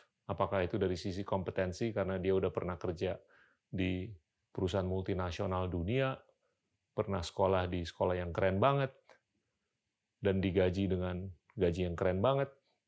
Terus yang kedua, mau ditanya mengenai apa aja deh, mengenai HIV kek, mengenai Islam kek, mengenai Al-Qaeda, mengenai quantitative easing, mengenai penegakan hukum, he gets the best answer. Poin saya adalah, masa sih antara sekarang sampai 2045 nggak ada orang yang bisa seperti kayak begitu. Iya kan? Iya. Dan itu kalau menurut saya selling point loh. Selling point untuk anak-anak muda yang ada di kampus kek atau baru aja keluar dari kampus bahwa dia nih cewek atau cowok punya kesempatan untuk menjadi pemimpin seperti itu. Dan Iya. saya saya yakin kalau ada orang yang kayak begitu masuk itu akan menjadi magnet gitu loh untuk Iya. dilakukannya seleksi talenta yang lebih sistematis dan sistemik dengan Iya. baik. Iya kan? Iya. Dan dan gini loh, saya tuh kalau ngobrol tuh dengan siapa pun, saya tuh kadang-kadang saya menyadari bahwa ini sebetulnya audiensi saya nih anaknya yang saya ajak ngobrol. Bukan orang yang saya ajak Hmm. ngobrol. Iya kan? Iya, iya, iya. Iya, iya, iya. Dan dan ya kanal ini ya alhamdulillah lah ditonton oleh generasi milenial dan Z yang yang kayaknya sih mereka ownership takingnya cukup tinggi gitu loh mengenai isu-isu yang sifatnya jangka panjang. Apakah itu perubahan iklim? Apakah itu inklusi keuangan? Apakah itu penegakan hukum? Saya nggak tahu gimana ya naluri saya. Kayaknya mereka tuh care mengenai isu-isu seperti itu. Iya kan? Iya. Tinggal gimana kita Itu- bisa hmm, Itu kabar baik tuh. Eh, karena saya tidak punya data ya untuk Siap. mengkonfirmasi itu. Saya, selama ini, selama ini terus terang saya khawatir generasi muda kita karena melihat eh, politik yang menjemukan ini dan penuh dengan apa kecurangan-kecurangan ini mereka tidak mau terlibat akhirnya menjaga jarak. Tapi kalau mereka kemudian eh, hadir dengan kepedulian, empati dan mungkin perlu merebut ya karena karena kalau kalau arus ini tidak ada upaya untuk mengambil alih, maka yang terjadi ya seperti sekarang pembatalan pemilu, perpanjangan periode tiga periode dan seterusnya yang yang yang bertentangan dengan seleksi talenta yang dari tadi kita jadikan salah satu solusi begitu. Jadi eh, mudah-mudahan saya saya tentu berharap ada ada apa ada perubahan-perubahan ya yang kemudian menghadirkan apa orang-orang berbakat dan pemimpin-pemimpin yang menyeleksi orang-orang berbakat itu. Eh, kalau tidak ya biasanya selain apa jalan dari eh, kemanusiaan ya jalan dari atas sunatullah ini perubahannya nih dan Iya. mudah-mudahan tidak kemudian menjadi sesuatu yang revolusioner yang biasanya merah berdarah itu yang juga saya khawatirkan gitu. Mudah-mudahan tidak perlu sampai ke arah sana. Tapi eh, kalau jalannya masih begini-begini saja ya awal reformasi kita lihat ada harapan. Tapi kemudian sekarang rezim warna karakteristik otoritarianisme kembali kelihatan menguat. Mudah-mudahan ini roda berputar lagi kemudian kembali ke arah eh, semangat reformasi, semangat demokrasi, termasuk tadi eh, pendengar-pendengar podcast ini bisa muncul sebagai harapan-harapan generasi muda yang bisa membawa Indonesia ke arah yang lebih baik, khususnya untuk bidang hukum. Saya merasa ya mudah-mudahan ada kalau saya kemarin integrity bikin integrity scholarship eh, kita kita upayakan untuk selain apa menjadi law firm sebagaimana biasanya kita juga eh, ikut kepada isu-isu publik mencoba untuk masuk ke dunia pendidikan memberikan virus-virus anti judicial corruption. Kita bikinlah beberapa berbagai acara-acara yang mudah-mudahan eh, menyeleksi talenta-talenta terbaik dari mahasiswa-mahasiswa Fakultas Hukum. Eh, Finalis-finalisnya bagus-bagus. Penguasaan artikulasi dan penguasaan hukumnya juga baik. Sehingga saya melihat itu juga merasa agak ada semangat juga begitu. Ya. Nah, mudah-mudahan ini uh, mungkin adalah apa uh, bibit-bibit unggul yang belum muncul selama ini karena ruang publik kita disesaki dengan tadi uh, uh, apa selebrasi dan sejenisnya tadi itu. Mudah-mudahan uh, melalui apa acara-acara program-program idealis bagaimana endgame ini kita bisa uh, apa me, me, apa memberi ruang kepada bibit-bibit itu untuk muncul dan pada saatnya merebut uh, arus uh, duitokrasi yang sekarang iya. lebih menjadi arus utama dalam uh, politik dan penegakan hukum kita. Harus direbut iya. ini. Kalau dibiarkan tanpa ada upaya-upaya untuk meluruskan, maka 2045 kita menurut saya agak sulit untuk Eh, melihat Indonesia yang lebih baik. Tapi sebagaimana sering kita dengar, jangan pernah lelah mencintai Indonesia dan yep. kita harus terus berusaha karena inilah tempat kita hidup dan tempat kita insya Allah juga akan dikebumikan menjadi tanah lagi yep. di tanah air kita yep. Indonesia. Siap. Di di awal tahun 2000-an, 20-an tahun yang lalu lah, GDP kita dengan Tiongkok tuh hampir sama. Tapi hmm. bedanya GDP per kapitanya Tiongkok. Jadinya GDP per kapita kita dengan Tiongkok tuh hampir sama. Tapi bedanya yeah. dalam 20 tahun terakhir, GDP per kapitanya Tiongkok itu udah naik 10 kali lipat. Kita hmm. baru naik 5 kali lipat. Dan itu acuan tuh. Dan jangan lupa GDP per kapita kita tuh baru hanya 4.100-an dolar dan Singapura itu udah 60-an ribu dolar. Jadinya yeah. kalau saya jadi anak muda di Indonesia sekarang, ya saya akan ngimpi lah gimana nih supaya 2045 itu bukan hanya kita tembus middle income trap, tapi kita tuh bisa bertengger di level 10 sampai 20 ribu dolar per kapita. Hmm. Iya kan? Hmm. hmm. Nah, yeah, iya, untuk yeah, mencapai tujuan seperti itu nggak mungkin tanpa penegakan hukum yang optimal. Saya setuju ya, sekali. Saya setuju dan, sekali. Dan dan gini loh, saya saya sepakat dengan Denny bahwasanya banyak sekali kanal-kanal yang sangat bisa mendemokratisasikan ide itu mampet. Nah itu hmm. tugas kita lah untuk gimana ini supaya nggak mampet agar demokratisasi informasi itu sama dengan demokratisasi ide. Iya, iya. Iya kan. Jangan sampai kita kalah sama buser-buser RP ini membuat viral konten-konten yang bukan pendidik. Jadi endgame yeah. dan endgame endgame yang lain harus terus hadir ini merebut ruang-ruang yeah, publik yeah. ini karena pendidikan inilah yang akhirnya Betul. akan menentukan apakah kita bisa memperbaiki politik, memperbaiki hukum, ekonomi, dan ujungnya memperbaiki Indonesia.